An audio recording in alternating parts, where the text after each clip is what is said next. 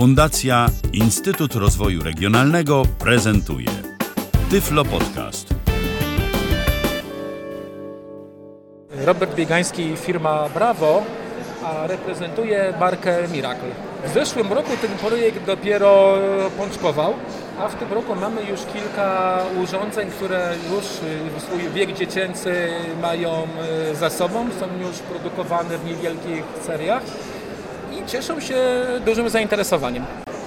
Y, Bazujemy na urządzeniach, które są oparte o urządzenia takie powszechnego użytku, tablety, telefony komórkowe, czyli rzeczy, które w zasadzie można powiedzieć mamy stale ze sobą, a w przypadku telefonów wręcz przy sobie. To była jedna z naszych idei. Lupa, która będzie zawsze, zawsze z Tobą. Tak? Zwykle kiedy są powiększalniki, mamy powiększalnik e, dedykowany, to zwykle kiedy jest najbardziej potrzebny, nie mamy go e, pod ręką. Tak się to akurat dzieje z naszymi klientami, że kiedy chcą coś e, zobaczyć tu nas w firmie, to zwykle pytają, czy nie mamy jakiegoś szkiełka albo jakiejś lupy, bo oni by chętnie coś podejrzeli. Systemu na szczęście nie musieliśmy modyfikować. Na etapie prób, które były dokonywane, e, robiliśmy takie, takie eksperymenty, takie działania, ale byłoby to dużym utrudnieniem dla naszych klientów. To się wiąże również z utratą gwarancji.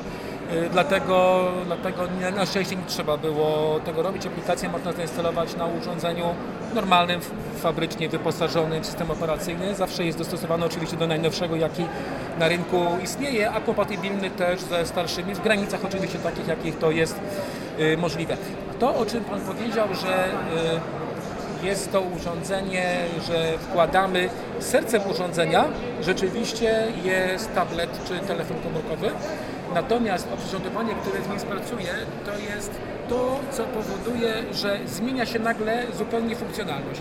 Czyli, że mamy lupę elektroniczną, czy mamy duży powiększalnik stacjonarny, to można rzeczywiście zrobić używając dodatkowych akcesorii, czyli urządzenia, które współpracując z telefonem ma swoją własną optykę, ma swoje własne oświetlenie, ma specjalną linijkę do tego, żeby prowadziła nas po tekście. Opieramy się o Samsunga Galaxy S3, S4, S5 i S6 i chociaż jest możliwość robienia pod inne urządzenia, skupiamy się na tym, które jest najbardziej popularne. Uznaliśmy, że nie ma sensu robić do małych ekranów, dlatego że mała lupa elektroniczna no, po prostu jest zwyczajnie mała.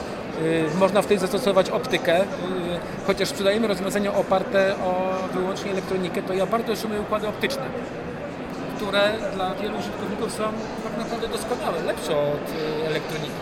Tutaj też dodać należy, że lupy elektroniczne, chociaż mają znakomite parametry, chociaż znakomicie y, powiększają, mają bardzo wysoki kontrast, to wielu użytkowników nie potrafi odnaleźć się w tekście. Kupuje taką lupę, bo widzi, że powiększa bardzo dobrze i pracuje na niej, bo ona po prostu zwyczajnie nie jest dla niego y, dogodna. Y, z tabletami Samsunga Tab S, najdroższymi, najlepszymi rozwiązaniami, choć i dlatego to najlepsze, najdroższe, że one mają wtedy najlepszą optykę i najlepsze ekrany, dlatego stosujemy właśnie te. Y, W stosunku do powiększalników innych ma takie, y, taką jedną podstawową różnicę. Jest wyposażona w liniał, który jest elementem, który wsuwamy w podstawę. To jest proste, lekkie rozwiązanie, ale umożliwiające nam śledzenie tekstu, utrzymywanie się w linii od strony lewej do e, prawej, po czym możemy wrócić, opuścić linijkę niżej i to zapewnia nam doskonałą nawigację po tekście. Dodatkowo liniał powoduje, że lupa nie wpada nam w zagłębienia książki. To jest bardzo istotna też sprawa, że, że kiedy wpada, to po prostu przestajemy mieć jakąkolwiek kontrolę nad tekstem. Tutaj poruszamy się niejako nad nierównościami. To pierwsza różnica. Yy, Drugą taką, taką yy, istotną rzeczą jest to, że nasze lupy czytają. Zarówno te, które są oparte o tablety, jak i o smartfony, mają możliwość przeczytania tekstu, który, który jest yy, pod nią.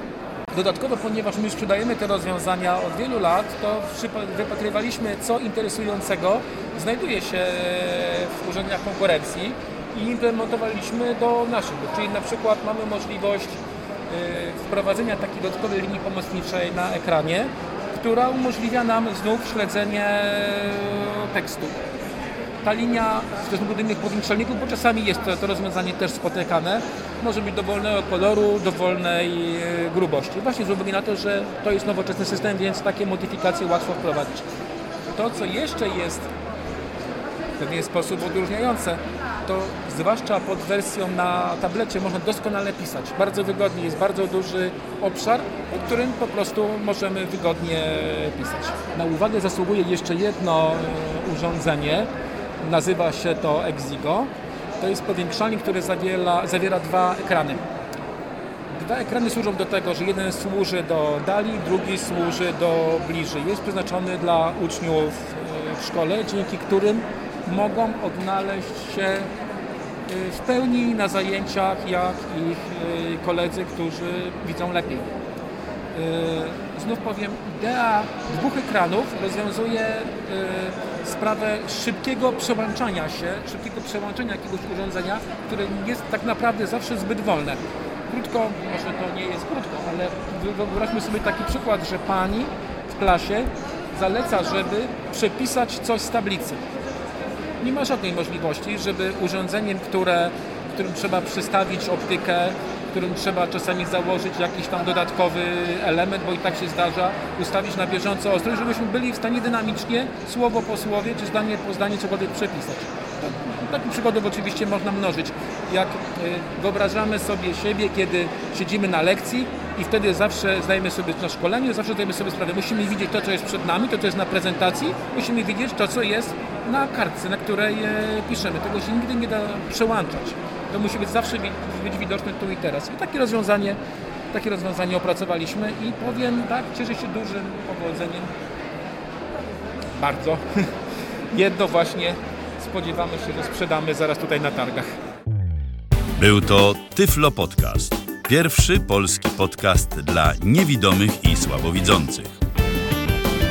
Program współfinansowany ze środków Państwowego Funduszu Rehabilitacji Osób Niepełnosprawnych.